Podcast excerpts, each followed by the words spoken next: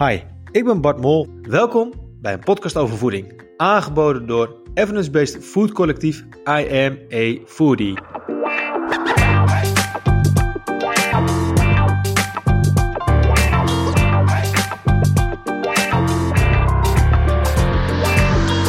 Hey, welkom bij een nieuwe aflevering van een podcast over voeding. Hopelijk ben jij een nieuwe luisteraar en in dat geval welkom bij deze show. En in deze podcastserie gaan we in op de actualiteit. Uh, met vandaag Gabi Herwijer als gast. En dan gaan we het onder andere hebben over uh, prikkelbare darmsyndroom. Maar we praten ook wel eens in uh, deze show over onze eigen projecten. Met nieuwe boeken die we aan het schrijven zijn. Of een online cursus. En dat soort projecten. En een hele fijne dank aan Sietske. Sietske is onze allereerste vriend van de show. Dus waarvoor danken, Sietske. Um, en uh, ja, hierbij natuurlijk ook de uitnodiging uh, voor andere, alle andere luisteraars. Dat mocht je dit een hele leuke show vinden, ga naar vriendvandeshow.nl slash POV. Dat staat voor podcast overvoeding. Daar kan je namelijk een uh, donatie doen aan deze show. want ja, voor niets gaat de zon op. En de schoorsteen moet ook roken bij ons. zoals je misschien weet is I'm voor die onafhankelijk van de industrie. Dus ja, we moeten het onder andere hebben van onze donaties. En ja, de verkoop van onze boeken en cursussen en uh, die dingen. Maar uh, tot zover uh, de ongegeneerde verkoop, want ja, daar gaan we het vandaag dus allemaal niet over hebben. We gaan het vandaag wel dus hebben over prikkelbare darmsyndroom. Als je het googelt, nou, dan heb je een 1,2 miljoen hits. Dus volgens mij is dat wel een onderwerp waar veel mensen geïnteresseerd in zijn. Dus vandaag hebben we dus Gabi in de show. Gabi, goeiedag. Hoi. Hey, normaal wil ik, uh, doe ik eigenlijk wel een introductie. Wie is Gabi? Uh, waar heeft ze allemaal meegewerkt? Nou, in, in, dit geval ken ik Gabi van uh, de boeken Eet als een expert en Eet als een expert zwanger. En natuurlijk ook als ja, mede-teacher, leraar of lerares van de online cursus Kickstart Your Health. Yes. Maar ehm, ja, jij kan jezelf veel beter introduceren. Wie ben je? Wat doe je? Let's ja. go. Nou, ik ben dus uh, Gabi, diëtist en uh, gezondheidswetenschapper. En ik heb al ruim acht jaar mijn eigen praktijk uh, in Amsterdam West en Zuid onder andere. En dat doe ik sinds kort samen met mijn collega Roos. Dus, ja, we delen het eigenaarschap van de praktijk. En um, ja, volgens van I'm a Foodie kennen wij inderdaad misschien van boeken Eet als een expert of Eet als een expert zwanger. Maar in mijn praktijk ben ik eigenlijk veel meer gespecialiseerd in prikkelbare darmsyndroom en celiakie. Uh, bij volwassenen en kinderen. En celiakie, omdat ik dat zelf ook heb en mensen heel graag wil laten zien wat nog wel allemaal kan met het strikte glutenvrije dieet. Uh, dat is eigenlijk de reden, daar is allemaal mee begonnen. Daarvoor ben ik de diëtetiek ingegaan. En PDS, dat is er daarna vrij snel bijgekomen, omdat het ook vaak samengaat. En omdat ik het heel erg, ja, ik vind het heel leuk en interessant om samen met mensen te puzzelen. Waar komt het nou vandaan? Um, en hoe kun je nou de controle krijgen over je klachten? En dit zijn, nou, mensen hebben vaak heel lang last en um, zijn, we dan, zijn dan heel dankbaar als er iets lukt. Uh, dus dat vind ik echt uh, ja, het allerleukste om in de praktijk te doen eigenlijk. Oké, cool. Dat is uh, een uitgebreide intro. Uh, thanks. En, ja, nou ja, dat, uh, dat maakt de podcast wel makkelijk. Ik stel gewoon drie vragen en, uh, en, je, en jij loopt mee. hey, maar um, we, we, we, beginnen de show eigenlijk altijd met een... wat is je grootste voedingsfrustratie of teleurstelling van de afgelopen week of maand die jij hebt gezien of ervaren in de praktijk of gelezen in, in de media? Ja, nou, ik zat de nieuwe serie De, de K van Carlijn te kijken met uh, Tjitske. En uh, nou, zij heeft dus kanker. En dan in, seizoen, in uh, aflevering 2 um, ehm, wordt dat wat duidelijker naar alle collega's en zo. En haar man is een fysiotherapeut en daar zit een diëtist in datzelfde pand. En die kwam toen gelijk met allemaal supplementen aanlopen voor zijn vrouw met net gediagnosticeerde borstkanker. En toen dacht ik. Um, dat was echt een gemiste kans. Want op zich hadden ze best wel leuk in die serie dat die man heel goed voor haar wilde gaan zorgen. Met tarwegrassap en van alles. Maar het was juist zo uh, leuk geweest als daar een diëtist bij had gezeten die gezegd had: hey, dit slaat nergens op. We gaan gewoon eens zorgen voor een goede basisvoeding. In plaats van de pizza als je net uh, uit het ziekenhuis terechtkomt. Wat ook in beeld werd gebracht. Mm -hmm. uh, dus dat vond ik echt weer jammer. Het was op zich wel een leuke hippe diëtist werd neergezet. Dus dat vond ik wel leuk. Maar dan die supplementen gelijk, dat vond ik echt jammer. Dat laat niet echt de meerwaarde van de diëtist zien. Nee, precies. Maar dit is dus echt een, uh, ja, een geaccrediteerde diëtist in dit geval. Dit is ook gewoon... Oh, nee, nee, nee. Echt... Het was een serie. Het was een fictieserie. Ah, maar, fictie. Ah. Sorry, ja, het was een fictieserie. Maar ik vond het gewoon jammer dat de diëtist net weer niet goed werd neergezet. Nee, oké. Okay. Uh, hoe heet die serie? Dan gaan we gewoon de redactie mailen. De K van Carlijn. Maar ik vind het verder wel een hele mooie, leuke serie. Wel een aanrader wat mij betreft. Alleen ik vond dat stukje jammer. Ja, precies. Nou, dus is die het ook als een fictief persoon neergezet. Nou, precies, precies. Mooi dan. Laten we okay, daar hey, hebben. Ja, we gaan het vandaag hebben over uh, de prikkelbare darmsyndroom. Uh, als we het hebben over PDS, dan bedoelen we de prikkelbare darmsyndroom. Gabi, even heel simpel. Wat is PDS? Ja, dat zijn buikklachten. Waar geen medische reden voor, voor is of wordt gevonden. Um, dus er is aantoonbaar niks aan de hand van binnen. Um, maar je hebt wel klachten. Maar in de zin dat um, in, in avondeten, dat ik bijvoorbeeld na een kwartiertje gewoon buikpijn krijg. Dat wordt misschien wel gezien als PDS. Bedoel je dat? Nou, er zijn zeker wel, uh, zo simpel is het niet. Er zijn wel criteria voor um, hoe je PDS kunt diagnosticeren. Hè. Heel, wat heel vaak wordt gedacht is, ik heb niks of er wordt niks gevonden, dus dan heb ik PDS. Dat is niet zo. Je kunt het wel degelijk, zijn er criteria om het te diagnosticeren. Maar die criteria die zijn echt afhankelijk van jouw klachten. En niet dat we een bloedtest doen of van binnen kijken met een cameraatje, zien dat er iets beschadigd is, iets niet, niet goed is. Um, en dan, dan krijg je die diagnose PDS. Dat is niet zo. We hebben wel criteria. Um, dus het zijn eigenlijk, ja, we noemen het ook wel eens functionele buikklachten. Functioneel buikklacht. Maar als ik even ja. uh, goed begrijp, dat um, ik, heb, ik, ik, ik eet wat, s'avonds, ik krijg buikpijn. Dat heb ik dus niet direct dat ik zeg, oh, ik heb dan PDS. Nee. Nee. Maar wanneer moet er een lampje branden bij mij dat ik wel denk van, hé, hey, uh, ik heb wel structureel vaker buikpijn. Uh, yeah. Bij ochtend, middag of avond, of misschien alleen maar bij avondeten. Wanneer yeah. zeg je van, hé, hey, dat is even een punt. Nou, als het, uh, uh, nou, ik denk wat je zegt structureel. Dus bijvoorbeeld als het drie maanden aanhoudt en het komt echt wel wekelijks voor. Um, nou, dat is wel een reden om naar je huisarts te gaan, bijvoorbeeld. Oké, okay. ja. en uh, zijn er bepaalde ja, buikpijn is voor de een misschien steken in de buik, de ander een opgeblazen gevoel. Is daar nog yeah. iets, iets algemeens over te zeggen of kan dat op verschillende manieren geuit worden?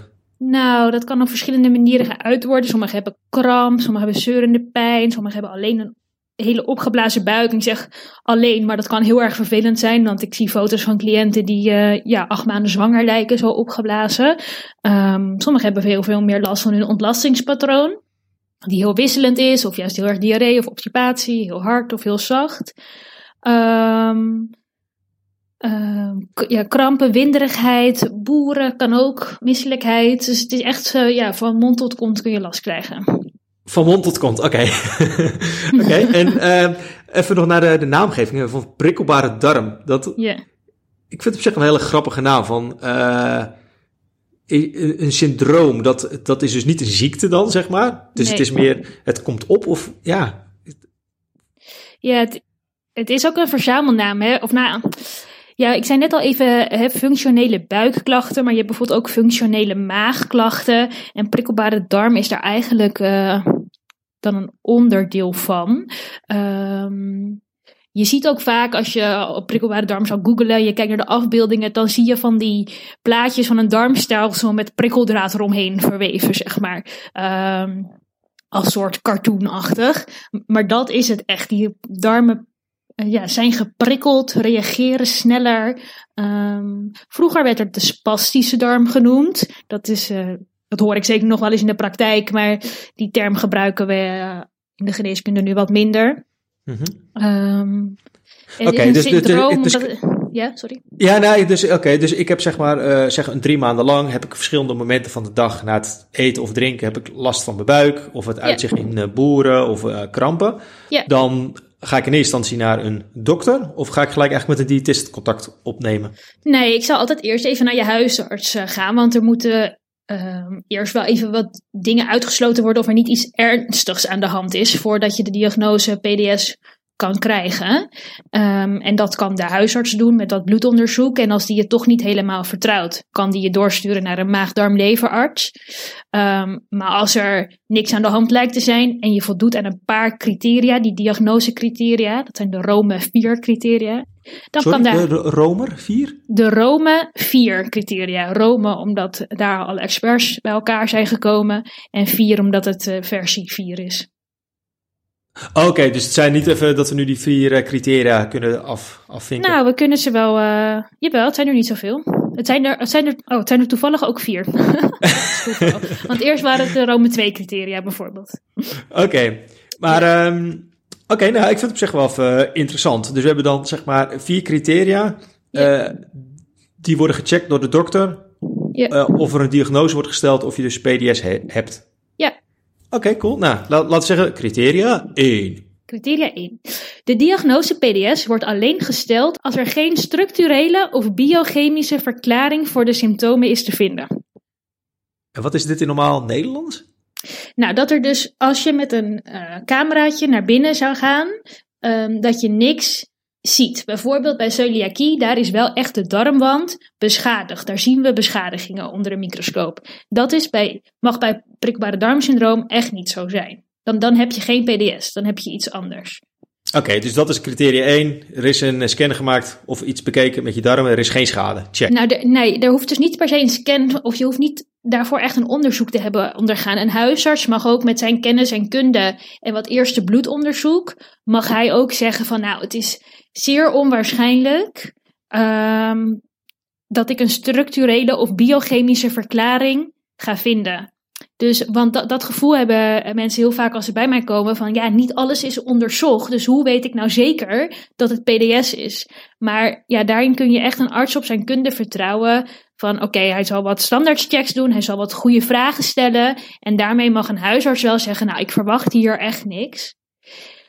Nee, en kan je dan nog even met dit criteria door te vragen? Kan er in een bloedonderzoek dan eruit komen of er schade is aan de darmen? Nou, niet alle schade, maar wel. Um, je kunt bijvoorbeeld wel eerst de ontstekingswaarden vinden. Dus dat zijn wat meer algemene ontstekingsmarkers.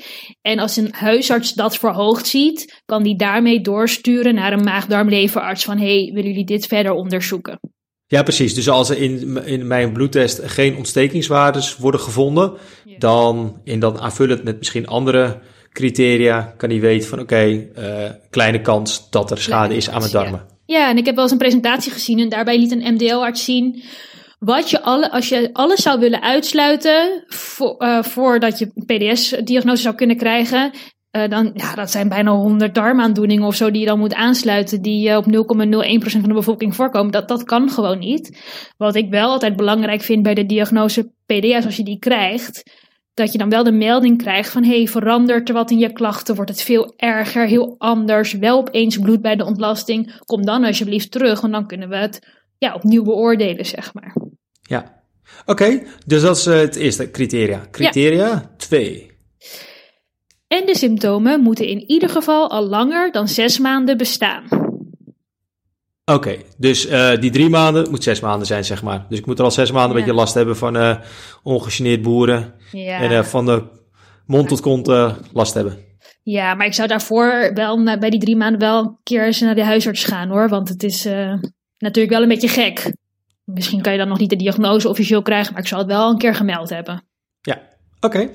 Dus dat is, dat is de tweede en dan nu de derde. En de patiënt moet gemiddeld minstens één dag per week in de afgelopen drie maanden buikpijn hebben gehad. Ja, precies.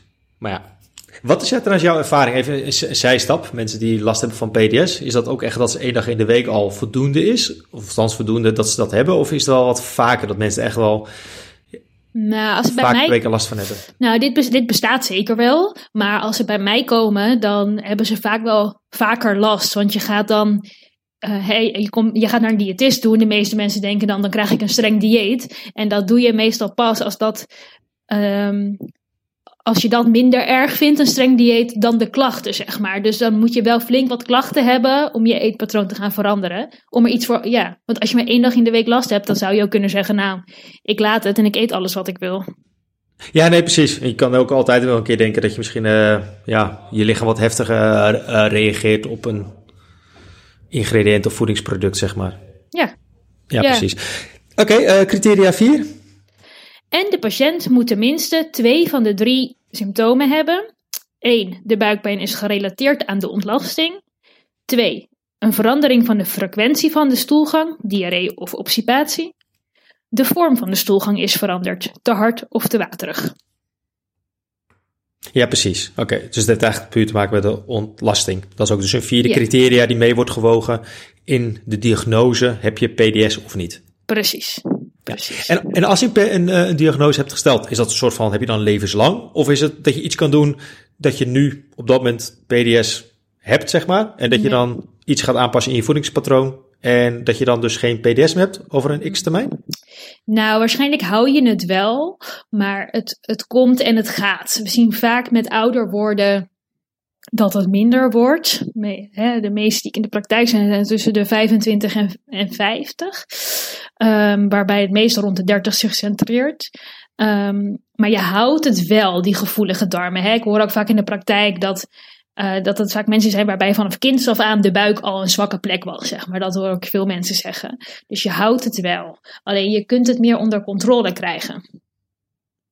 Oké, maar omdat je, uh, je geeft aan dat op de levensjaar 30 centreert het, zeg maar, hè, wat je in de praktijk ziet. Ja. Yeah. Um, betekent dat mensen dan eigenlijk misschien de, de voorgaande 25 jaar nergens last van hebben gehad en vanaf hun 25e opeens er last van krijgen? Of ja. het, ontwikkelt het zich zoiets dan? Ja, het kan dat ze, uh, um, dat ze al hun hele leven, wat ik net zei, hun hele leven al een zwakke plek hebben op de buik en dat het langzaam erger wordt. Het kan ook, ik hoor ook heel vaak met mensen tot hun 22e nergens last van hadden en opeens was het er. Dat kan ook.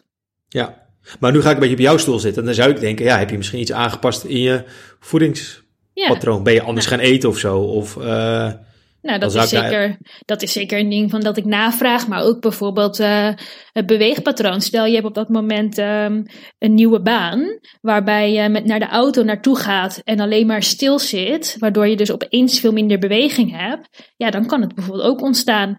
Maar ook um, een, uh, een virusinfectie in het buitenland als je hebt gereisd of uh, heel erg antibiotica gebruikt bijvoorbeeld. Dat zijn bijvoorbeeld wel triggers waarbij iets ontstaat.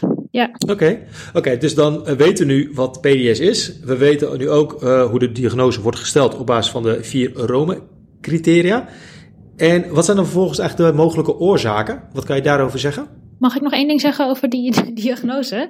Want um, de prikkelbare darmsyndroom Belangenvereniging, geloof ik, is het. Die heeft een keuzetest, de PDS-test. Dus die kunnen we misschien even linken. En um, daar zijn deze criteria ook in verwerkt. Dus dan kun je gewoon online zelf een test doen um, om te kijken of uh, jouw klachten hierbij aansluiten. Dus dat is misschien nog leuk. Ja, zeker. Dus, Oké, okay, dus dat is een, een, keuzetest van die vereniging die je net noemde. Die zullen we dan in de show notes zetten met een link. Ja. En is dat dan een uh, geheel onafhankelijke vereniging of is dat weer opgezet door uh, PDS-diëtisten? Die daar weer nee, nee, nee, nee, dit is een uh, lotgenotenvereniging eigenlijk. Lotgenotencontactvereniging.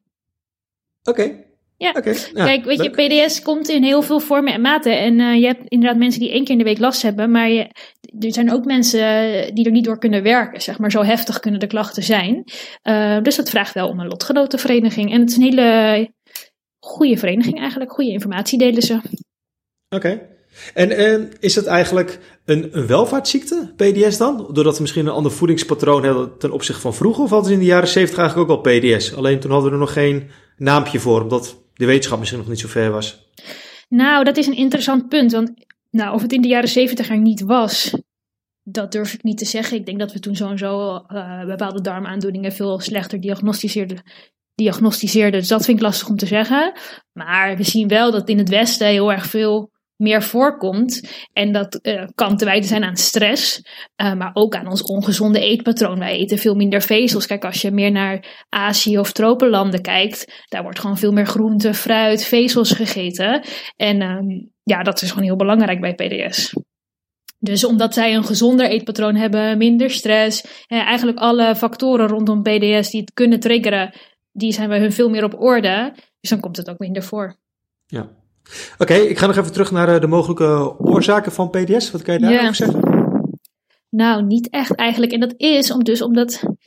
Um, nou ja, ik kan er wel over zeggen. Ik hoor het dus wel eens na heftige antibiotica-kuren dat het start. Of na uh, reizigers in het buitenland waar ze een infectie hebben opgelopen. Maar dat hoeft dus helemaal niet zo te zijn. Dus um, er kan ook gewoon geen oorzaak zijn. Nee, oké. Je, je moet het eigenlijk ook. Je, uh, sorry, wil je nog wat uh, toevoegen? Ja, je moet zo zien dat eigenlijk je hele maag-darmstelsel is een, is een fabriek en die is helemaal op elkaar afgestemd. Zodra jij start met eten, gaan er allemaal signaaltjes naar alle onderdelen van het spijsverteringskanaal die straks aan het werk moeten gaan. Want er komt een maaltijd aan.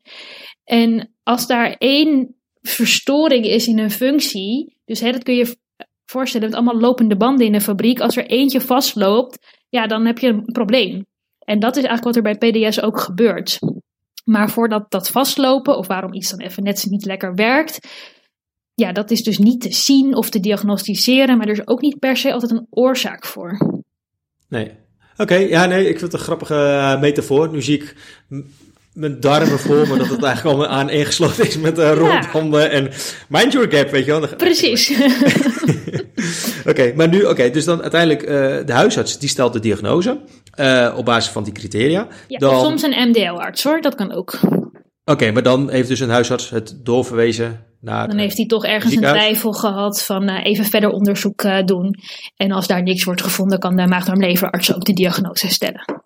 Oké, en wie stelt dan volgens het behandelplan op? In dit geval met de huisarts of de MDL-arts? Nou ja, dat is uh, interessant en daar wordt ook nu veel onderzoek naar gedaan. vroeger werd je heel veel naar huis gestuurd met leer er maar mee leven. En dat is ook wat ik in de praktijk nog heel veel hoor van mensen die denken: ik ga er weer eens wat aan doen. Die hebben allemaal gehoord leren maar mee leven, minder stress hebben. Dat is wat zij horen. Maar tegenwoordig, er is een uh, groot onderzoek geweest, of dat loopt geloof ik nog steeds, dat heet Reduce PDS. En dat is echt um, op dat behandelplan gericht. Dus dat, jij, dat de arts uh, in dit geval echt samen met de patiënt gaat zitten van welke mogelijkheden zijn er eigenlijk allemaal. Want heel veel mensen in mijn praktijk, die denken dat er eigenlijk niks mogelijk is bij PDS. Dat heb je nou eenmaal en daar moet je mee leren leven. Maar er zijn echt wel veel mogelijkheden. En dat Reduce PDS dat omvatte 10 mogelijkheden die uh, jou kan helpen om van je PDS-klachten af te komen. En het onderzoek was er dan op gericht dat, uh, dat de patiënt er zelf drie mocht kiezen. Dus waar hij zich het meest fijn bij voelt. Dat hij dacht, oh, dit gaat wel voor mij werken. En daarmee ging je dan aan de slag. En dat is uiteenlopend van voedingsadvies tot um, hypnotherapie en tot supplementen of medicatiegebruik. Dus er zijn echt veel mogelijkheden bij PDS. Um, even kijken, Oké, maar hoe, hoe, hoe, hoe, hoe, pak jij dat aan, zeg maar? Dus uh, even in dit geval, uh, ik ga met die buikklachten naar uh, een, mijn huisarts. Nou, op basis van de criteria komt, zegt hij van, oké, okay, ik heb de indicatie dat je PDS hebt. Vervolgens verwijst hij mij door naar een diëtist. Ik ga naar jou toe. Ja. Hoe neem jij dat dan vervolgens over? Ja, nou, dus als je, zodra je bij mij zit, ga je eigenlijk met de pijler voeding aan de slag. Hè? En ik probeer altijd wel eerst even uit te leggen wat er nog meer allemaal is. Dus bijvoorbeeld die hypnotherapie, of bekkenbodemfysiotherapie, of pepermuntolie gebruik. Puur om in kaart te brengen van, hey, je bent nu bij mij met voeding, gaan we zeker aan, aan de slag. Maar ja, mochten we er niet uitkomen, dan zijn dit ook nog allemaal mogelijkheden. En daarmee zijn mensen eigenlijk al vaak heel erg blij van, oh, er, er is nog van alles mogelijk bij PDS. Dat wisten ze eigenlijk helemaal niet. Vervolgens um, begin ik eigenlijk met een stukje geruststelling, waar we het net ook over hadden. Hè? Van binnen is er niks stuk. Um, het is niet slecht voor je. We gaan nu, alleen we gaan nu onderzoeken wat jouw triggers zijn, waar jij extra buikklachten van krijgt als je dat eet of drinkt, zodat je die klachten veel meer onder controle kunt houden. Um, dus een tweede stap is dat stukje geruststelling. Nou, wij hebben, werken vervolgens in de praktijk met een soort um, een piramide. En die is een beetje, het idee is een beetje gejat van de sportvoedingspyramide, waarin je begint met basisvoeding, dan sportspecifieke voeding. En als je dat allemaal op orde hebt, ga je pas met supplementen aan de slag. Nou, zo hebben wij dat ook een beetje opgebouwd voor prikkelbare darmsyndroom. Dus allereerst moet je beginnen met een goede basis. En dit is ook iets wat heel veel mensen al bij de huisarts hebben gehoord en denken, ja, dat werkt niet bij mij. Zoals, eet nou eens wat meer vezels.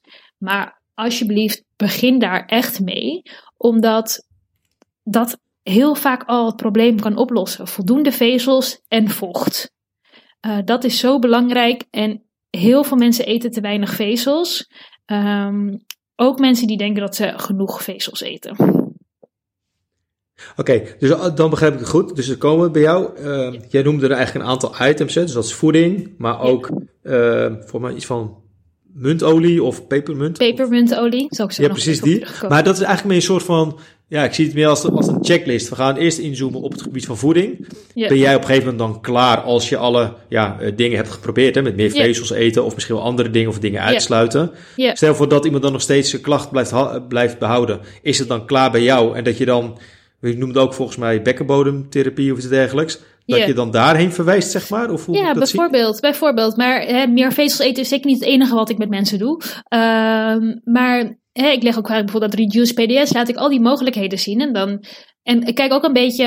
Kijk, ik laat mensen ook altijd een e-dagboek bijvoorbeeld invullen met hun klachtenregistratie en andere belangrijke dingen. Als we daaruit zien dat bijvoorbeeld stress vaak een trigger is van de buikklachten, ja, dan kunnen we aanpassen in, onze, in de voeding wat we willen. Maar dan krijgen ze eigenlijk last van die stress. Dus dan gaat een voedingsadvies minder helpen. En dan verwijs ik bijvoorbeeld naar een hypnotherapeut. En dan gaan ze eerst met die stress aan de, aan de slag om uh, dat meer onder controle te krijgen. Oké, en wat doet eigenlijk een hypnotherapeut? Dat is, die is bezig met uh, stress verminderen. Ja, het is een beetje ontspanningstherapie. Ik denk dat dat het kortste uitgelegd is. Ontspanningstherapie. Ja. en je leert, jezelf, je leert jezelf om in een, soort, in, in een soort trance te brengen, waardoor de buikpijn weggaat. Oké, klinkt wat zweverig voor mij, maar... Uh, het valt ook wel onder de alternatieve geneeskunde, maar er zijn hele mooie resultaten bij met uh, PDS. Voor mij 80% uh, daarbij is het effectief. Oké, oké, maar als ik even focus op uh, voeding. Ja. Um, ja, dus we gaan aan de slag met die basis eerst. Ja, precies. Ja. ja. Vezels, maar daarbij ook vocht. Vezels werken eigenlijk pas als je ook genoeg drinkt, want ze werken als een spons. En daardoor maken ze de ontlasting bijvoorbeeld goed. En um, beweging bijvoorbeeld. Maar ja, in die basis hoort ook gewoon algemene optimalisatie van je voeding. Dus een volwaardig voedingspatroon met genoeg groenten, fruit, volkoren graanproducten, noten, misschien pulvruchten. Dus echt dat het voedingspatroon op orde is. Want ja, ik zie heel vaak dat dat niet zo is. En dat kan komen omdat er geen kennis is. Maar ook omdat mensen heel veel dingen al zijn gaan vermijden. Omdat ze denken dat ze er last van krijgen. En daardoor eigenlijk met een heel beperkt eetpatroon zitten. En helemaal niet meer genoeg vezels bevat. Nee, precies. Dus je bent eigenlijk ook op basis van het eetdagboek wat ze zelf maken, wat je net uh, noemde, mm -hmm, ben je dan samen met de cliënt aan het zoeken van, oké, okay, um, om te achterhalen van als je dit eet en je hebt dan misschien de klachten, we kunnen dit misschien wat afbouwen, weer iets anders misschien voor in de plaats. Dat je dus op die manier eigenlijk aan het zoeken bent naar, ja, dat de klachten daardoor verminderen. Ja, ja. Oké, okay. en uh, betekent eigenlijk dat je wel gewoon alles nog steeds mag eten? Of is het ook een soort van dieet, dat je juist hele... Nee. bepaalde groepen gaat uitsluiten? Nou, ik denk dat je op het FODMAP-dieet uh, doelt. Daar kom ik zo meteen op. Um, want het, dat, dat doe ik niet meteen, het FODMAP-dieet met mensen. We gaan dus eerst naar die basis kijken, maar daarnaast zijn er wel bekende PDS-triggers. Dus uh, waarvan we weten dat heel veel mensen met PDS daar last van krijgen. En die staan in de, de NICE guideline. Dat is een, uh, is een richtlijn um, omtrent prikkelbare darmsyndroom. Um, en dat is bijvoorbeeld dat je goed moet kouwen en de tijd moet nemen voor je maaltijden. En met goed kouwen bedoel ik zo'n 20 tot 30 keer op een hap. Dus echt goed. En dus zitten, rechtop zitten, niet al lopend eten. Um, een ander ding is dat je regelmatig moet eten. Niet te snel achter elkaar, maar ook niet uh, te, te lang wachten. Dus een regelmatig eetpatroon. Um, geen alcohol of koolzuurhoudende dranken. Dat, is, uh, dat zijn allebei bekende triggers voor PDS. En hetzelfde geldt voor cafeïnehoudende dranken. Um, grote hoeveelheden fruit kunnen soms ook triggers zijn voor buikklachten. Ui en knoflook, dat komt wel een beetje richting dat FODMAP, maar zijn, dat zijn vaak dingen waar mensen heel erg op reageren. Ja, dus, het is interessant wat, eh, wat je zegt. Enerzijds zijn het voorbeelden van voedingsproducten, zeg maar. Yeah. En anderzijds is het best wel eigenlijk op gedrag. Van Ook. wees eh, ja, gewoon bewust van wat je eet. Neem je tijd ervoor. Ga niet voor de tv zitten en, eh, eet, ja, en werk je eten weg in, drie, in drie minuten. Precies, mensen zijn heel vaak op zoek naar, ik ben ergens overgevoelig voor, ik ben ergens allergisch voor, zeggen mensen ook vaak. Maar heel vaak gaat het terug naar die basis. Dus dat je veel te snel eet bijvoorbeeld, of eh kauwgom koud. Kauwgom kauwen zou ik ook niet doen bij PDS, omdat je de hele tijd lucht inhapt daarmee. Hè, dus we gaan eigenlijk eerst die basis optimaliseren en daarna komen er nog wat PDS-tips bij. Dus dingen die je niet moet doen, maar ook dingen die je wel extra moet doen. Dus je groenten, je fruit en je vezels. Ehm,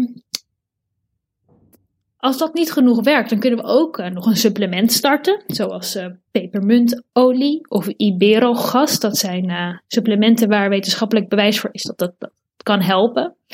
En ehm, ja, hier wil ik dan even naar die sportvoedingspyramide teruggrijpen. Die, die supplementen werken niet als je basis niet op orde is, zeg maar. Dus daarom die stappen van eerste basis, dan ja, PDS-specifieke tips noem ik ze, zoals de koolzuur, de alcohol, de ui en de knoflook. Ja, ja, ja. Dan kan je eventueel zo'n supplement starten. En als dat nog niet genoeg werkt, eh, dan kun je eventueel naar het FODMAP-dieet toe gaan. En dat is een eh, ja, heel streng dieet waarbij je voedingsmiddelen gaat elimineren en vooral ook weer gaat herintroduceren. Ehm, maar eerlijk gezegd kom ik daar heel vaak niet meer bij met, met cliënten, omdat die eerste drie stappen al heel goed geholpen hebben. Ja, precies. Dus eigenlijk is de FODMAP is zeg maar jouw meest rigide instrument om op het gebied van voeding de PDS te kunnen elimineren. En Yes. dat, mocht het allemaal niet lukken met FODMAP, dan kan het zijn dat je misschien weer ja, eh, in het vervolg gaat met die andere punten die je al eerder noemde, met de hypnotherapie of die bekkenbodem, et cetera. Dat je op die vak. Oké, Ja. check. Dan even Laatste verder redmiddel dat- noem ik het. Ja, precies. ja. Oké, wat kan je daar verder over vertellen dan over eh, het FODMAP-dieet, dat je dingen elimineert? Ja, nou, het FODMAP-dieet wat ik heel belangrijk vind om te vermelden is dat het een diagnostisch dieet is. Dus je gebruikt het eigenlijk om te kijken waar je op reageert. En het FODMAP-dieet is niet eh, iets wat je de rest van je leven volhoudt als het werkt. FODMAP zijn ehm, korte keten koolhydraten die wat moeilijker verteerd worden in je dunne darm. Sorry hoor, even één keer hoor. Eh, korte keten koolhydraten, zeg je. Ja, dus koolhydraten van vrij korte ketens. En die worden over het algemeen bij iedereen wat moeilijker verteerd in de dunne darm. Maar bij de meeste mensen lukt dat nog wel, maar bij sommige mensen met PDS dus niet goed. Dan gaan ze onverteerd, komen ze in de dikke darm. En korte keten koolhydraten, dat zijn eigenlijk suikers. Het zijn lange suikers. En die- in je dikke darm, daar zitten heel veel bacteriën en die houden van suikers. En die gaan dat eh, gebruiken. En dat, daar ontstaat er fermentatie en daar komt gas bij vrij. En dan krijg je die opgeblazen buik, waar heel veel mensen met PDS last van hebben. Oké, ja, ik, eh, ik ben even heel, heel goed aan het luisteren. Ja, ja, ja. Je kan volgen. Ik heb nog steeds even die lopende band in mijn hoofd Ja. nu. Oké. Precies. Dus ehm, bij de meeste mensen gaat die vertering van FODMAPs prima. Bij, bij, bij sommige mensen met PDS dus niet. Dan komen ze in de dikke darm terecht waar ze eigenlijk eh, ja, waar ze worden vergist en waar gas bij vrijkomt. Eh, gas en of vocht. Dus ehm, bij de mensen die waarbij het FODMAP-arme dieet werkt, die hebben vaak de opgeblazen buik en diarree. Door die FODMAPs uit je voeding te halen, krijg je die klachten ook niet meer. Want je eet ze niet meer, dus het gaat niet door naar je dikke darm, dus er wordt ook niks opgeblazen of er komt ook geen vocht aan te pas. Dus dat doe je in het eerste deel van het FODMAP dieet. Je gaat alle FODMAPs weghalen. Ja, precies. En nog even, waar is de afkorting FODMAP voor? Omdat je zegt FODMAPs. Dat, eh, Weet je dat? Wil je dat weten? ja. ja, we zijn nu... Fermenteerbare oligosacchariden, disacchariden, monosacchariden en polyolen. Ja, logisch. Dat, Ja, toch? dat- ja, nee, dat is duidelijk. Ja? Oké, maar, wat, oké, maar het is dus dat je met elkaar eh, het voedingspatroon wat iemand heeft, ga je dus dingen uitsluiten. En dat je eigenlijk op die manier een soort van een real-life experiment doet. We halen dit product eruit, kijken of je dan ergens last van hebt. Ja, Eh, maar het is wel iets meer dan dit product. Want het probleem met FODMAPs is dat het gewoon in heel veel zit. Het zit in groenten, het zit in fruit, het zit in pulvruchten, het zit in granen. En op zich het mooie is dat het is niet dat je dit allemaal nooit meer mag eten, want er zijn ook FODMAP-arme uh, varianten in die productgroep. Dus je zal even een switch moeten maken. Een appel is heel hoog in FODMAPs, maar uh, aardbeien bijvoorbeeld niet. Dus je moet net even andere producten vaak leren gebruiken of kennen in je gewoontes toepassen dan je gewend bent. Maar het is wel een pittig dieet, want uh, ja, de ui en knoflook mag bijvoorbeeld helemaal niet. Tarwe mag zeer beperkt. De, de groenten die mogen, dat wordt wat saai na een paar weken. Het is wel een pittig dieet, vooral in sociale situaties. Maar je gaat dus eerst alles vermijden. En het belangrijkste deel van het FODMAP-dieet is eigenlijk het toevoegen, de herintroductiefase. Want de meeste mensen reageren helemaal niet op alle FODMAPs, maar op twee of drie groepen. Dus vervolgens ga je testen, wat zijn nou mijn triggers? Waar krijg ik last van? En daarna hoef je alleen nog maar die te vermijden en niet meer alles. Oké, en hoe lang duurt zoiets dan? Vanaf het begin dat je met een FODMAP-dieet begint tot het weer toevoegen van... Nou, het eliminatiedieet, uh, het eliminatiestuk, dus waarin je alles weglaat, het duurt vier tot zes weken. En ja, toevoegen ben je vaak wel twee tot drie maanden bezig. Een beetje afhankelijk van op hoeveel groepen je reageert en dat je dan weer moet wachten tot je klachtenvrij bent. Dus totaal wel drie tot vier uh, maanden. Dus ik adviseer mensen meestal of in januari te starten, zodat je klaar bent voor de zomer en de terrasjes weer open gaat. Of in september, dan ben je klaar voordat uh, kerst is. Ja, precies. Oké. Okay. Zit er nog een soort van een uh, corona-ding in? Dat, dat je nu ziet dat meer mensen opeens uh, ja, nou, meer ja. last hebben van PDS? Of juist dat je meer cliënten krijgt met deze vragen? Nou, op zich wel mensen die ervoor openstaan om met hun voeding aan de slag te gaan, omdat er um, toch niet zoveel sociale activiteiten zijn. Maar ik heb ook wel wat cliënten gehoord die zeggen van nou, het leven is op dit moment dan niet zo leuk. Ik vind het juist leuk om thuis uitgebreid te koken. Dus um, nou, dat voelt dieet bewaar ik wel eventjes. Dat, uh, zo had ik mezelf eerst nog niet bedacht, maar dat heb ik nu wel uh, een paar keer gehoord in de praktijk. Dus dat vind ik ook wel een goed uitgangspunt en om je te bedenken dat je je dan nog meer restricties gaat opleggen. Ja. Okay. En, wat ik, dus, en, uh, wat ik wel nog belangrijk vind om te zeggen, FODMAP zijn niet giftig. Ze zijn niet slecht voor je van binnen, zeg maar. Je, hè, want, want er gaat ook niks stuk bij PDS. Je krijgt er alleen klachten van. En als je dus eenmaal weet waar je wel en niet tegen kan, dan kun je daar keuzes in maken. Je kunt dan zeggen, ik ga uit eten en ik ga er geen rekening mee houden. En ik kan dan verwachten dat ik vanavond, vannacht, morgen klachten krijg. Maar ik wil er, ja, ik wil er vanavond uh, ja, geen restricties hebben. Dat, dat kan als je het voetbaldieet doorlopen hebt. Maar dan weet je wel wanneer de klachten komen in plaats van voordat je het FODMAP dieet deed, dat het altijd één groot vraagteken was waar de klachten vandaan kwamen. Ja, nee precies. En kan het dan ook zijn dat tijdens dat FODMAP, zeg maar, dat die klachten juist erdoor versterkt worden? Dat je er meer juist last van gaat hebben? Of zit daar niet echt een verband tussen? Hoe bedoel je dat? Dat, dat je nou, gevoeliger ik, wordt. Nou, ik kan me voorstellen dat je eerst dat het slechter met je moet gaan. En doordat je weer dingen gaat elimineren. En dat je daarna weer dingen gaat toevoegen. Dat je dan een soort van de weg omhoog gaat vinden. Ja, eh, soms zie ik wel meer klachten in de eerste week van het FODMAP-dieet. En je moet eigenlijk zo zien dat um, je darmmicrobioom, dus uh, alle bacteriën die in je darm leven, dat is eigenlijk een soort weerspiegeling van hoe en wat jij eet. En als jij opeens heel veel, ineens heel veel gaat veranderen in je eetpatroon, dan, dan kan daar ook van alles van binnen veranderen, die reactie op jouw voedsel. En dat kan soms wel klachten geven in het begin. Um, maar dat zou niet veel langer dan een weekje moeten duren. Nee, oké. Okay.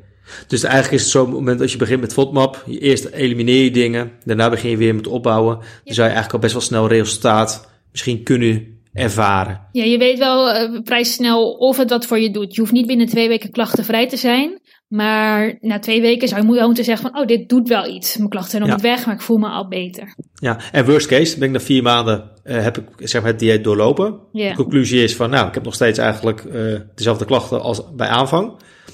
Wat ja, dan? maar dan, uh, kijk, als je um, na vier tot zes weken het FODMAP ar arme dieet, maar het deel waarin je alles elimineert, als je dan na vier tot zes weken nog dezelfde klachten hebt, dan ga je ook niet herintroduceren, want dat heeft nog niet zoveel zin, want blijkbaar doet het dieet niks voor jou. Dus dan moet de conclusie eigenlijk zijn, dit dieet is het niet voor jou, jouw klachten gaan hierbij niet weg, we moeten het op een ander spoor zoeken. Ja, maar is dat dan het spoor wat je eerder noemde over uh, die hypnotherapie? Ja. Of die dingen? Of, verwees jij dan weer terug naar de huisarts van oké, we hebben het, het kopje voeding Mm. hebben we helemaal van begin tot eind gedaan. Daar hebben we geen positief resultaat kunnen boeken. Dan gaat de persoon in kwestie weer terug naar de huisarts. Ja, nou kijk altijd wel even van, oké, wordt dit FODMAP dieet ook wel volwaardig uitgevoerd? Hè? Ga je niet opeens veel minder vezels eten bijvoorbeeld? Of ehm, eh, ga je niet opeens ehm, heel veel eh, cafeïne of alcohol drinken? Dus die andere triggers waar we het net over hadden, die vervallen niet met het FODMAP dieet. Dus je kunt nog wel heel goed het FODMAP arme dieet doen, maar als je heel veel koffie drinkt, alcohol drinkt, weinig vezels erbij eet, dan krijg je waarschijnlijk nog steeds last. Dus dat check ik altijd eerst, wordt het wel goed uitgevoerd? En als daar ook niet in zit, hè, iemand heet helemaal volgens, de, volgens het boekje eigenlijk, ja, dan ga ik kijken van nou, wat zullen we dan doen? Ehm, en dan leg ik bijvoorbeeld die opties voor, maar ik ben, natuurlijk niet de arts, maar ik help iemand wel heel graag op weg. Maar lijkt stre- stress een trigger, dus hypnotherapie iets kunnen zijn, uh, bekkenbodemfysiotherapie doe ik vaak, maar kan ook terug naar de huisarts, van ga eens met de huisarts bespreken wat andere opties zijn. Uh, maar meestal stuur ik uh, een linkje van dat Reduce PDS onderzoek en gaan mensen, ja, hebben ze zelf ook wel een voorkeur waarmee ze aan de slag willen. Ja, oké, dat is interessant om te weten. En zijn er nog bepaalde PDS-misvattingen die je vaak in de praktijk tegenkomt? Nou ja, dus bijvoorbeeld dat het FODMAP-dieet het enige is wat werkt. Het staat ook vaak al op de verwijsbrief van de huisarts. Heeft PDS uh, dus FODMAP-dieet? Uh, terwijl ik denk, oh eens even, laten we beginnen bij het begin. Dus ik denk dat vooral dat het een heel ingewikkeld dieet zou moeten zijn. Terwijl heel veel, um, veel makkelijkere toe te passen adviezen ook al heel groot verschil kunnen maken. Ja, oké. Um, en en dan... ja, überhaupt gewoon hè, waar we het net over hadden van je moet er maar mee leren leven. Ja, je houdt het wel, maar je kunt het echt onder controle krijgen met, uh, met leefstijlaanpassingen. Grotendeels. Ja, Oké, okay, dat is, uh, is, is, goed om te horen. Nou, ik hoop dat de luisteraars er in ieder geval uh, veel van hebben meegekregen. Ik in ieder geval wel in deze mini-cursus uh, dat hoop PDS. Ik ook. Dat hoop ik ook. Ja, ik had toevallig, nou, ik had toevallig nog een aantal lezersvragen bin, binnengekregen. Dus die wou ik ook nog eventjes aan je ja. stellen. Ja. Um, Lien Meijermans, die heeft onder andere ook een, een vraag gesteld. Ik heb wel een vraag over de PDS. Waarom is het zo moeilijk vast te stellen. Toen ik naar de dokter ging met vragen over PDS, gaf ze me een foldertje mee met de symptomen die elkaar ook nog eens tegenspreken en, en de raad dat ik minder stress moet hebben. Ja, dit heb ik eigenlijk net uh, zo ook als voorbeeld gegeven. Hè? Dit is wat we heel vaak zien. Uh, een foldertje met uh, symptomen die elkaar tegenspreken. Ja, dat, dat kan. Want de klachten bij ehm, PDS kunnen gewoon heel verschillend zijn. Hè? Het kan diarree of obstipatie zijn. Het kan dunne ontlasting of harde ontlasting zijn. Het kan um, kramp of geen kramp zijn. Dat, dat, dus dat kan, dat die symptomen elkaar tegenspreken. Um, en dat ik minder stress moet hebben. Ja, dit is dus wat, iets wat heel vaak wordt gezegd bij PDS. En het is ook wel zo, alleen dat is niet zo makkelijk. Want meestal heb je stress omdat er niks aan te doen is. Uh, maar dan zou wel een hypnotherapie kunnen helpen daar, daarin. Um, ik denk wat het, wat het vervelende aan deze raad is, is dat het wordt meegegeven als doe dit maar eventjes. En dat is niet zo simpel. En het is niet het enige wat je kunt doen. Waar we het net uitgebreid over hebben gehad, er zijn echt wel heel veel mogelijkheden. Alleen we weten niet goed welke mogelijkheid bij wie past. Dus we kunnen niet zeggen, oh hebt die klachten, ga jij naar hypnotherapie. Hebt die klachten, ga jij naar de bekkenbodemtherapeut. Hebt die klachten, ga je naar de diëtist. Het is echt een puzzel. Maar als je die puzzel aan wil gaan, dan weet ik uh, bijna zeker dat je iets voor je PDS gaat vinden. Ja, ja want ik, ik krijg het gevoel er een beetje bij dat, uh, dat PDS, dat het misschien soms dat er een zweem omheen zit van, nou ja, uh, je moet niet, niet zo zeuren, zeg maar, van, mm-hmm. nou, doe even dit en dan is het opgelost. Yeah. Dat eigenlijk wel echt een serieus ding is voor heel veel mensen. Dat Zeker. er juist wel oorzaken zijn, maar ook juist op, oplossingen. Dat Yeah. ze eigenlijk juist een verbeterde kwaliteit van leven kunnen krijgen als ze daarop inzoomen. En ze Zeker. eigenlijk niet zo makkelijk laten wegsturen door met een foldertje van nou, uh, Precies. zorg maar. Er zijn heel veel mogelijke oplossingen, alleen het is niet, kant en het is niet een kant-en-klaar medicijn. Je moet, moet puzzelen en um, ja, de, het ene puzzelstukje past wel en de andere niet. En dan ga je naar, naar de volgende. Ja, ja. Nou, het is wel grappig om, uh, om te horen, want uh, in het vervolg de, daarbij hebben we ook een vraag gekregen van uh, Dominique. Die vraagt inderdaad ook, hoe kom je bij artsen terecht die PDS serieus nemen? Is er een soort uh, centrum? Je hebt al iets genoemd over dat, uh, die ene vereniging. Wat was daar ook weer de naam van? Want ja, volgens mij is dat eigenlijk het antwoord, dus nu zit ik eigenlijk op jouw stoel. Maar... Nou, nou nog niet, niet een beetje, maar nog niet volledig. Dat is de PDSB, de Prikkelbare Darmsyndroom Belangenvereniging. Ik weet niet zeker of zij een artsengedeelte hebben, maar je zou wel bij dat Reduce PDS kunnen kijken. En dat onderzoek hebben een paar ziekenhuizen meegewerkt. In Apeldoorn, Beverwijk, Groningen, Haarlem en Os zie ik hier.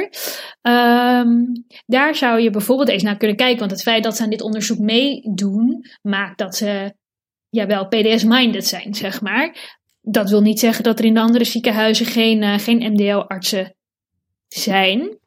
De vraag is alleen, moet je met PDS bij een MDL-arts onder controle zijn? Um, want ja, eigenlijk is de MDL-arts er uh, om jou diagnose uit te leggen. En vervolgens moet je zelf die puzzel gaan leggen. En de ene MDL-arts zal daar meer bij betrokken zijn dan de andere. Um, maar je zou bijvoorbeeld met dat Reduce PDS ook eens naar de huisarts kunnen. Van, hey, zullen wij dit samen doen? Zullen we samen dit stappenplan uh, gaan aflopen?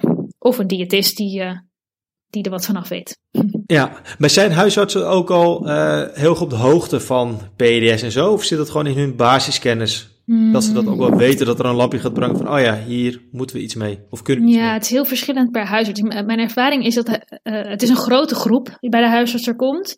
Uh, en dat ze het vaak lastig vinden van, ja, wat, wat moeten we hiermee, die onbegrepen buikklachten. Ze kunnen er zelf niet zo heel veel mee. Maar het zou juist heel interessant zijn als zij samen met de patiënt die puzzel gaan leggen. Hé, hey, wat wil je proberen? Uh, maar dat zie ik helaas dat dat nog weinig wordt gedaan. Maar je zou wel zelf het initiatief kunnen nemen van hey, wil jij mij helpen en begeleiden bij, bij alle mogelijke oplossingen tot we ergens zijn gekomen. Ja, oké. En uh, ik heb hier nog een uh, vervolg lezersvraag. Saskia van der Graaf, dank voor je vraag. Kan langdurig low FODMAP eten negatief gevolgen hebben voor de gezondheid van de darmen en lichaam? Ja, dat zien we wel in, uh, in onderzoek. Uh, er zijn wel wat onderzoeken naar FODMAP. En daar zien we wel dat die darmflora, dus de, de microbioom van de darm, dat die wat negatief verandert. Dat, die, um, dat er minder bacteriestammen zijn, dat noemen we negatief.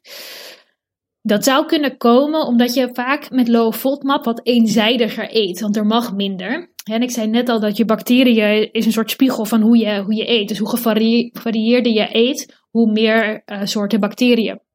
Um, dus als jij veel beperkter gaat eten, dan wordt ook die, dat microbioom beperkter. En dat, vinden, dat noemen we negatief. Dat vinden we niet, uh, niet goed. Dus ja, en het is ook zeker niet de bedoeling van het FODMAP dieet dat je in dat laag FODMAP deel, dus het eliminatiedeel, dat je daarin blijft hangen. Daar is het niet voor bedoeld. Het is echt diagnostisch om uit te zoeken waar je last van krijgt. Niet als levenslang dieet. Nee, precies. Dus dat is een, een tijdelijkheid. En toevallig zie ik eigenlijk dat de, de leesvraag die we uh, binnen hebben gekregen, zijn eigenlijk voornamelijk van uh, vrouwen. Zit mm daar nog iets, een, een, een gemeenschappelijk ja, ding in? Dat er toevallig meer vrouwen zijn die er uh, PDS last van hebben? Of ten opzichte van mannen? Ja, het komt wel meer bij vrouwen voor. En dat kan natuurlijk meerdere oorzaken hebben. Kan zijn omdat vrouwen zich misschien sneller druk maken. maken, Bart. het zou... Ja, sorry, was een inkoppertje hoor. nou, oké, de vrouwelijke luisteraars die schieten allemaal weg. Nou, sorry, excuus dames. maar het zou ook kunnen omdat uh, mannen wat makkelijker hun winderigheid laten gaan. En daardoor dus niet het, het, vastzetten in hun darmen. Oh, uh, oh, oh, we gaan weer mannen boeren, mannen laten weer scheten. Oké, okay, yeah, yeah, hey, uh, jij zet ons weg, dan zet ik jou weg. Oké, nee, want ik heb toevallig nog een, eh, een lezersvraag, ook van een man. Hij heet Is meneer Beer. Ja. Dankjewel voor je vraag. Worden darmklachten minder na jaren een FODMAP-dieet te volgen? Vraagteken. Herstellen je darmen? Vraagteken. Nou ja, er valt dus niet zo heel veel te herstellen, want er is niks stuk in principe. Er is geen, geen schade van binnen. Um, het kan wel zo zijn dat, dat, dat je PDS gewoon na een tijdje in een rustiger vaarwater komt. Daar zou ik het eerder aan wijten. Bijvoorbeeld omdat je goed beter voor jezelf bent gaan zorgen, meer rust hebt genomen, op je voeding let. Um, naast het FODMAP dieet gezonder bent gaan eten. Dus dat alle andere omstandigheden ook zijn verbeterd. Um, maar ja, nogmaals, het FODMAP dieet is dus niet bedoeld om jarenlang te doen om te herstellen. Dat is het niet. Oké, oftewel het antwoord daarop is dat uh, er is eigenlijk geen, uh, je darm hoeven niet te herstellen. Nee, Nee. nee. Oké. Ehm, eh, Gabi, ik wil je ja. heel hartelijk uh, danken voor deze mini-cursussen PDS en al die moeilijke woorden. Ja, sorry. Um, ja, nog even samengevat. Um, kan je gewoon drie praktische takeaways meegeven voor mezelf en de luisteraar ja. ten aanzien van uh, PDS? Ja, nou als je dus PDS hebt zou ik echt zeggen, begin bij het begin. Basisvoeding, doe het het liefst. Laat iemand met je meekijken, met je meepuzzelen, op voeding gericht dan. Um, maar begin bij het begin. Dat zou eigenlijk mijn eerste advies zijn.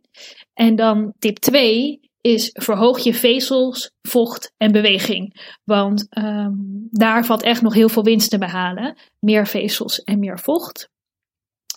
En tip 3 zou zijn, als je het FODMAP dieet gaat doen, doe het dan echt onder begeleiding van een gespecialiseerde diëtist. Zodat je niet in die eliminatiefase blijft hangen. En die diëtist die heeft vaak al zoveel ervaring ermee dat als ik voor mezelf spreek, um, dat ik vaak wel al weet in richting welke FODMAPs we moeten zoeken. En als je een gespecialiseerde diëtist hebt, die kan echt beter met je meekijken. Um, dus laat je niet afschepen met alleen wat lijsten en doe het zelf maar, zeg maar. Dat is echt niet de bedoeling van het FODMAP dieet. Het moet echt onder begeleiding. Nee.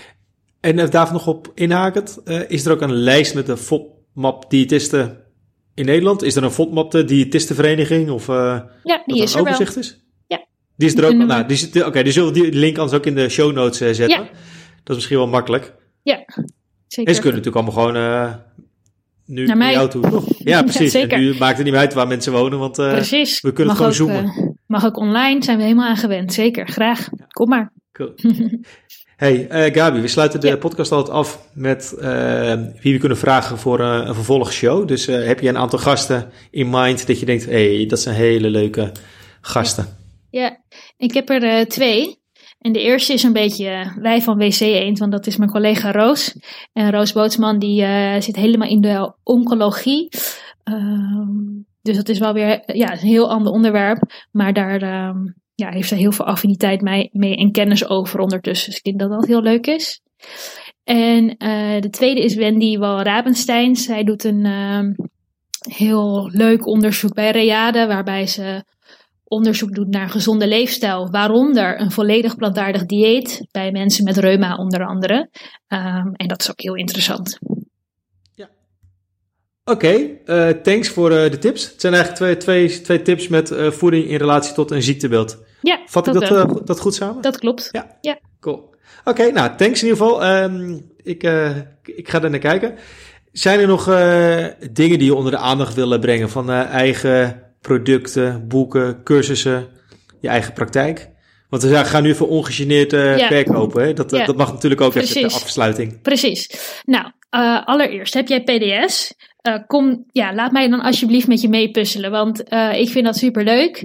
En um, het kan qua voeding zijn, het kan al die andere wegen zijn. Uh, ik kijk heel erg graag met je mee en blijf alsjeblieft niet zitten met PDS, er is niks aan te doen. Ik moet alleen minder stress hebben, want dat is echt achterhaald en we kunnen echt aan de slag. Ik, ik kan niet beloven dat we 100% klachtenvrij worden, maar we gaan zeker die kant op. En het tweede ja, is... En hoe, hoe, hoe uh, kunnen ze dat doen eigenlijk? Waar, ja, moeten oh, ja. Wat is je, Goeie. je nou, site? Ja, mijn praktijk heet Voeding Plus Advies. En de uh, website is dan ook voedingplusadvies.nl. Zullen we in de show notes zetten. um, Heel goed. Uh, ja, dus, dus meld je alsjeblieft. Dan, als je dan wil beginnen bij die basis, als we dan toch nu uh, ongegeneerd aan het promoten zijn, uh, begin dan met het boek Eet als een expert, zou ik zeggen. Uh, hè, als je meer groenten, meer fruit, meer vezels wilt eten, dan is Eet als een expert daar zeker een mooi begin voor. Zo goed? Oké. Ja, ja, nee, ik heb het helemaal goed. Dat, ja, ja, ik heb eigenlijk helemaal niks aan toe te voegen. Um, Oh, ja, wat ik al in de introductie zei, mocht je dit een hele leuke uh, show vinden, uh, je kan een donatie doen bij uh, vriendvandeshow.nl slash POV, podcast over voeding. Ja, wat, wat Gabi al zei, we hebben natuurlijk Eet als een expert, maar check zeker even imefoodie.nl voor alle andere boeken die we hebben geschreven. Uh, ik noem ze nog eventjes uh, Eet als een atleet, dat gaat over sportvoeding. Uh, Eet als een expert parttime, dat is ons gezonde kookboek met 50 plus recepten, ontwikkeld door verschillende diëtisten uit Nederland. En dan hebben we natuurlijk Eet als een expert zwanger, daar weet Gabi ook alles over, over de periode van zwanger worden en tijdens de zwangerschap. Yes. En ons laatste boek, die hebben we in november 2020 gelanceerd. Dat heet Eet als een atleet hardloop-editie. Uh, ja, wat het al zegt, hè, met hardlopen. en we zijn zelf nu ook bezig met een, uh, een nieuw boek, dat is uh, Intuïtief Eten. Daarvan is de pre-order nu geopend en de levering is gepland in april. Dus ja, nou, ben ik heel benieuwd nu... naar. Ja, nou, wij ook. Wij vinden het ook wel eigenlijk een heel spannende, ja, sp spannend boek in de zin van ja, dat het is een revolutionair anti-dieet methodiek. Dat is ontwikkeld door twee uh, ervaren diëtisten uit Amerika. De methode bestaat eigenlijk al sinds 1994.